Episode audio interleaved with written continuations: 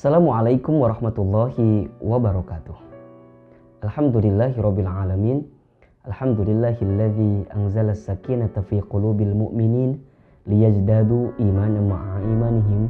Asyhadu an la ilaha illallah wahdahu la syarikalah wa asyhadu anna Muhammadan abduhu wa rasuluh. Allahumma salli ala sayyidina Muhammadin wa ala alihi wa sahbihi ajma'in. Amma ba'du. Teman Ramadan yang dirahmati Allah Subhanahu wa taala, semoga senantiasa dalam keadaan sehat walafiat dan tentunya setiap aktivitas yang kita jalani, ibadah puasa Ramadan yang sedang kita tunaikan benar-benar diterima oleh Allah Subhanahu wa taala dan bisa menjadi bekal terbaik untuk mempersiapkan perjumpaan terbaik bersama Allah yang Maha Baik di tempat yang terbaik dan di waktu yang terbaik insya Allah. Teman Ramadan yang dirahmati Allah, pada kesempatan kali ini uh, Hilman Fauzi akan kembali menjawab beberapa pertanyaan yang ditanyakan oleh teman-teman melalui Instagram Ahilman Fauzi. Pertanyaannya adalah, Ustadz, bagaimana sikap kita jika sudah berbuat baik namun mendapatkan balasan yang tidak baik? Oh jadi dia dapat balasannya nggak sesuai dengan apa yang dilakukannya. Baik. Teman Ramadan yang dicintai Allah, tugas kita itu sebagai manusia adalah berbuat baik. Di mana pun, kapan pun, dalam kondisi seperti apa pun, kita harus tetap menghadirkan kebaikan. Bukankah itu yang Allah perintahkan kepada kita di surat Al-Baqarah ayat 148 fastabikul khairat. Maka berlomba-lombalah kalian dalam berbuat baik. Bahkan perintah untuk menebar kebaikan ini juga disebutkan oleh Allah di dalam surat Ali Imran ayat 104 walatakum minkum ummatu yad'una ilal khair wa ya'muruna bil ma'ruf wa yanhauna 'anil munkar wa ulaika humul muflihun. Dan hendaklah ada di antara kamu segolongan orang yang senantiasa dia menyeru kepada kebaikan, dia memerintahkan kepada kebaikan dan melarang kepada sesuatu yang terlarang, yang keburukan, agar kamu menjadi orang-orang yang sangat beruntung atau yang beruntung. Maka pada bab ini tugas kita adalah berbuat baik.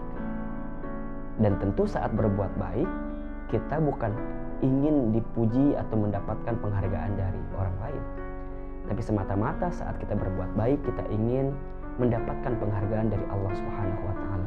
Bukankah itulah cita-cita yang paling tinggi saat kita benar-benar dimuliakan oleh Allah Subhanahu wa taala. Dan tentu Allah sangat tahu dengan kebaikan kita. Faman ya'mal mithqala dzarratin khairan wa ya'mal. Barang siapa yang berbuat kebaikan walaupun sebesar biji zarah maka Allah akan mencatat kebaikan itu dan membalas kebaikan itu. Dan barang siapa yang berbuat keburukan walaupun sebesar biji zarah, dia pandai menyembunyikannya, merahasiakannya. Gak ada orang yang tahu, tapi ingat Allah tahu. Dan pasti Allah akan membalas setiap keburukan yang kita lakukan. Maka saat berbuat baik, teruslah berbuat baik.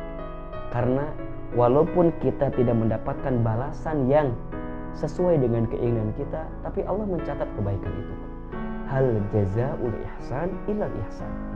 Bukankah setiap kebaikan itu pasti balasannya adalah kebaikan? Jadi artinya pertama yang harus dipahami oleh kita semua saat berbuat baik jangan punya niat ingin dihargai oleh orang lain. Jangan punya harapan ingin mendapatkan pujian dari orang lain. Karena bisa jadi kalau itu yang kita kejar maka siap-siap kekecewaan akan datang dalam kehidupan kita. Lantas Ustadz bagaimana cara menyikapi orang yang malah tidak menghargai setiap kebaikan kita? Pertama, maafkan. Karena barangkali dia tidak tahu kalau kita sedang berbuat baik. Jangan pernah berhenti berbuat baik, walaupun balasannya adalah keburukan. Jangan pernah berhenti untuk menebar kebaikan, walaupun barangkali yang kita dapatkan adalah sesuatu yang mengecewakan. Kenapa? Karena saat kita benar-benar tulus berbuat baik, di saat itu Allah sedang mempersiapkan balasan dari kebaikan itu. Bahkan saat kita pernah merasa jatuh, saat pernah merasa kecewa dengan kebaikan yang kita berikan tapi tak dibalas dengan kebaikan pula sama orang lain, percayalah Allah sedang membuat skenario balasan terbaik dari rasa sakit yang pernah kita alami. Bukankah kita tahu sebuah prinsip ketika engkau dibanting siap-siap terpelanting. Ketika engkau pernah terjatuh, siap-siap engkau akan dibangkitkan oleh Allah saat engkau sabar menghadapinya. Saat engkau bisa ikhlas menghadapinya. Saat hatimu bisa lapang menjikapinya. Lihatlah kisah Rasulullah Shallallahu Alaihi Wasallam ketika berangkat berdakwah dari Mekah ke kota Taif. Kita tahu bagaimana sejarah menyebutkan Nabi belum sampai ke kota Taif mendapatkan genjatan, sedang mendapatkan cobaan, ujian dilempari dengan batu bahkan dihina.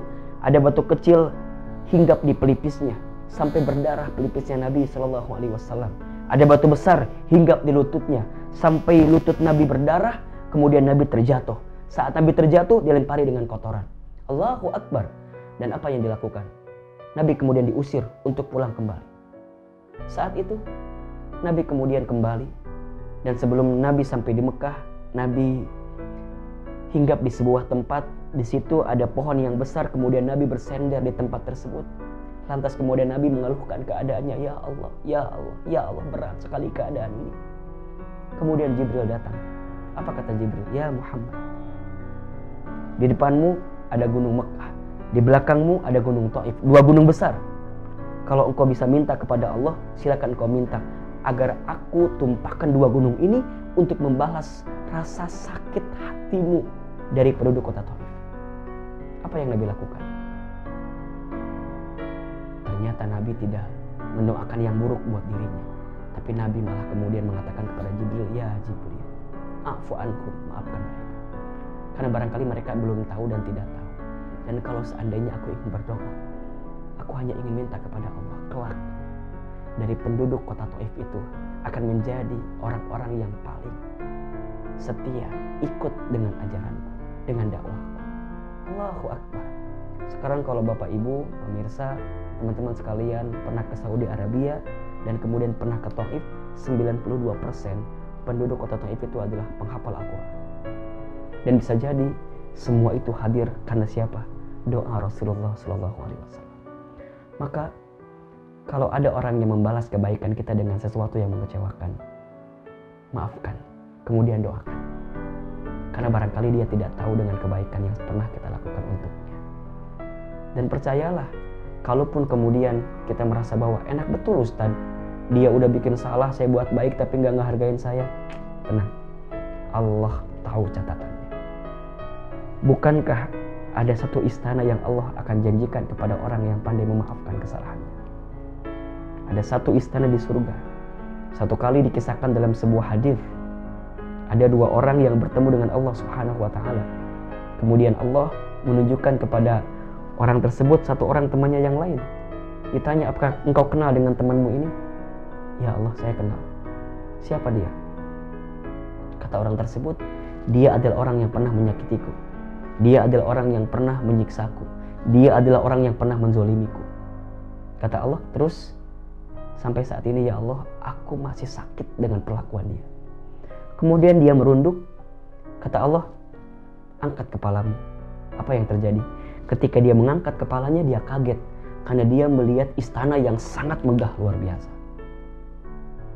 Kemudian dia bertanya ya Allah istana apakah ini? Kata Allah istana ini adalah istana khusus. Kemudian dia bertanya lagi maksudnya ya Allah khusus buat siapa untuk orang-orang yang khusus, untuk orang-orang yang bisa membayar dengan bayaran yang mahal. Kemudian dia bertanya, siapakah di antaranya ya Allah yang bisa mendapatkan istana ini? Kata Allah, para nabi, para siddiqin, para syuhada, para solihin. Kemudian dia nanya lagi, ya Allah, apakah saya bisa mendapatkan istana di surga ini? Kata Allah, bisa.